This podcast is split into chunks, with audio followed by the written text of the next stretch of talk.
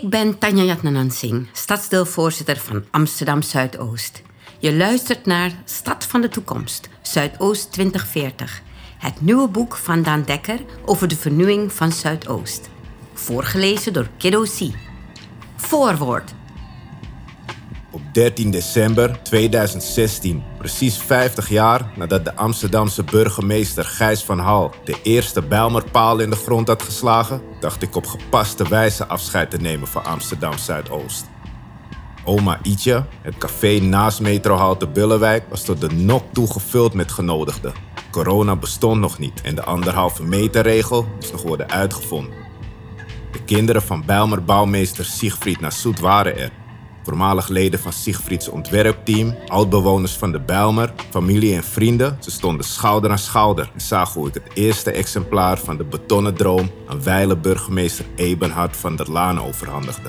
Ruim twee jaar had ik me vastgebeten in de geschiedenis van de Bijlmer en het leven van Nassoud. Nu kon ik het verhaal loslaten. Mijn boek ging de wereld in. Nadat Van der Laan het eerste exemplaar in ontvangst had genomen, begon hij in zijn kenmerkende losse stijl aan een toespraak. Na een betoog over het belang van geschiedschrijving en een lofzang op de Bijlmer kwam Van der Laan uit bij de epiloog van mijn boek. Ik schreef daarin hoe ik graag een sprong in de tijd wilde maken en refereerde daarbij aan de gewichtige woorden die voormalig burgemeester Van Hal na het slaan van de eerste paal had uitgesproken. Wat onze voorouders in de 17e en 18e eeuw bouwden, was groots, spieste hij op 13 december 1966. Wat wij hier bouwen, zal het nageslacht eveneens als groots kunnen ervaren. Anders in velelei opzicht.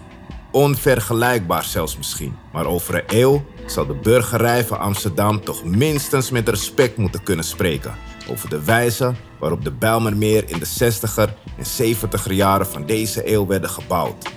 Ik vroeg me in het slotwoord van mijn boek af of Van Hals voorspelling uit ging komen.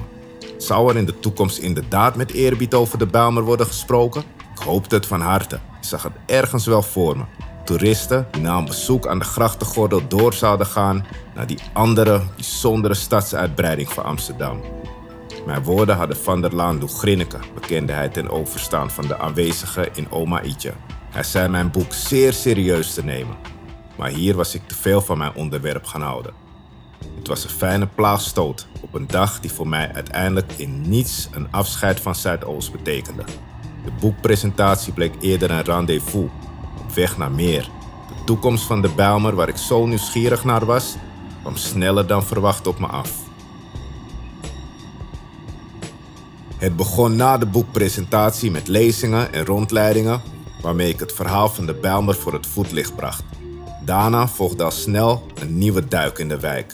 Het zuidoosten van Amsterdam was een magneet die me bleef aantrekken. Met Maartje Duin maakte ik voor de VPRO een radiodocumentaire over het voormalige Gliphoeven. De flat in de G-buurt die halverwege de jaren 70 werd gekraakt door Surinaamse activisten. Een verhaal dat me tijdens de research voor mijn boek enorm had geïntrigeerd. Ondertussen bleven de mails van buitenlandse onderzoekers en journalisten binnenkomen. Het ontwerp en verhaal van de Bijlmer had tot ver over de Nederlandse grenzen aantrekkingskracht. De geïnteresseerden wilden een artikel, reportage, documentaire of wetenschappelijk onderzoek aan de wijk wijden. Of ik ze op weg kon helpen? Sluipenderwijs werd de Bijlmer in mijn vocabulaire steeds vaker Amsterdam Zuidoost. Een gevolg van mijn werkzaamheden als programmamaker bij Pakhuis de Zwijger. In het culturele centrum aan het IJ organiseerde ik publieke bijeenkomsten over de fysieke toekomst van Amsterdam. Daarbij passeerde Zuidoost vaak de revue. Het stadsdeel was een van de delen van Amsterdam waar veel stond te gebeuren. In de Bijlmer, maar ook in de gebieden die na de jaren 70 aan het hart van het stadsdeel waren toegevoegd: Polder, Gasperdam, Arena Poort en Amstel 3. Voor het eerst ging ik me actief bezighouden met de toekomst van Zuidoost. Ik hoorde en las welke transformatie het stadsdeel tot 2040 zou ondergaan. Er zouden rond 40.000 woningen bijkomen, waarmee Zuidoost qua inwonerstal steden als Nijmegen en Breda zou evenaren. Naast het toevoegen van woningen ging ook de publieke ruimte op meerdere plekken op de schop en de gemeente torenhoge duurzaamheidsambities in Zuidoost. Het stadsdeel moest in 2040, tien jaar eerder dan de rest van Amsterdam, energie-neutraal zijn oude tijden herleefden.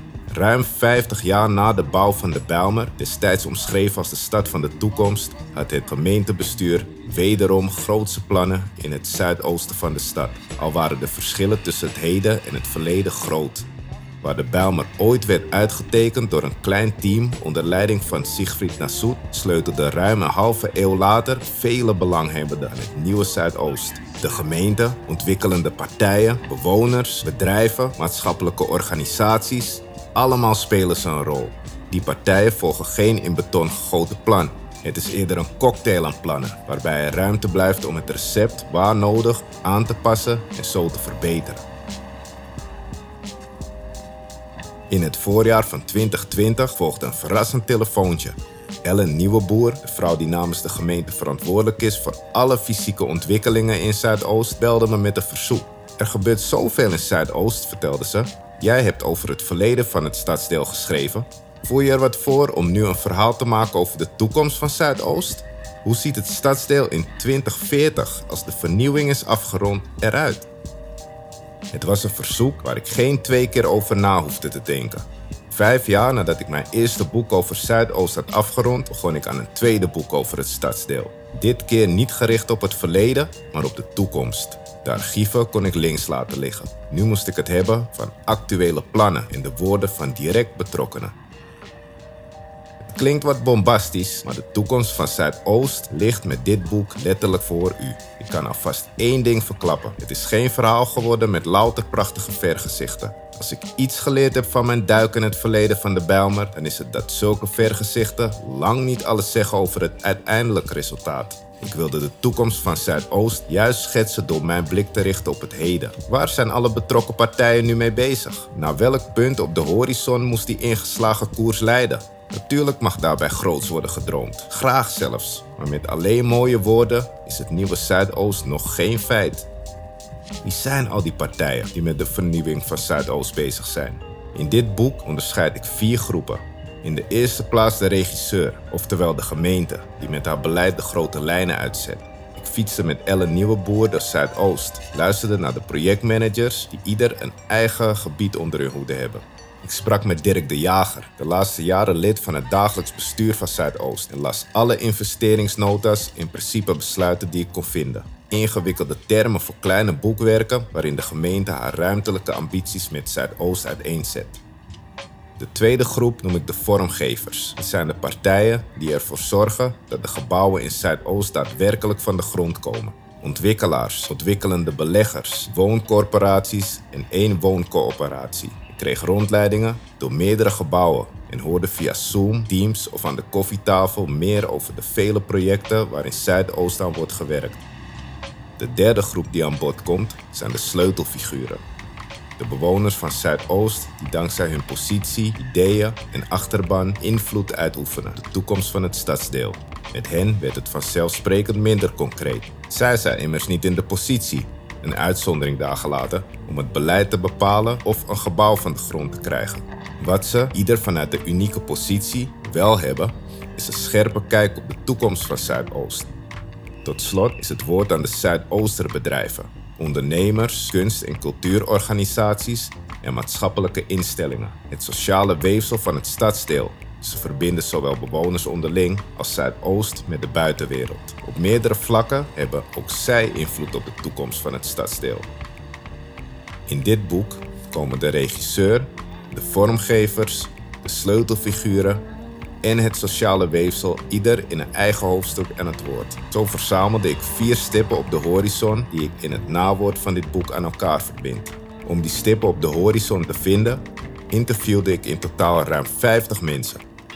Per groep heb ik gezocht naar een juiste afspiegeling van de belanghebbenden.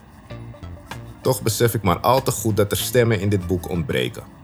Tegelijkertijd ben ik ervan overtuigd dat de kracht van een goed verhaal vooral zit in de kunst van jezelf beperken. Tot slot vermeld ik graag dat dit boek eerder een startpunt dan een eindpunt vormt. Stad van de toekomst, Zuidoost 2040, moet het gesprek over de toekomst van Zuidoost verder op gang brengen. Het toekomstige Zuidoost is geen vaststaand feit, maar het resultaat van een zoektocht waar we middenin zitten en waar iedereen aan mee kan doen. Je luisterde naar het voorwoord van Stad van de Toekomst Zuidoost 2040.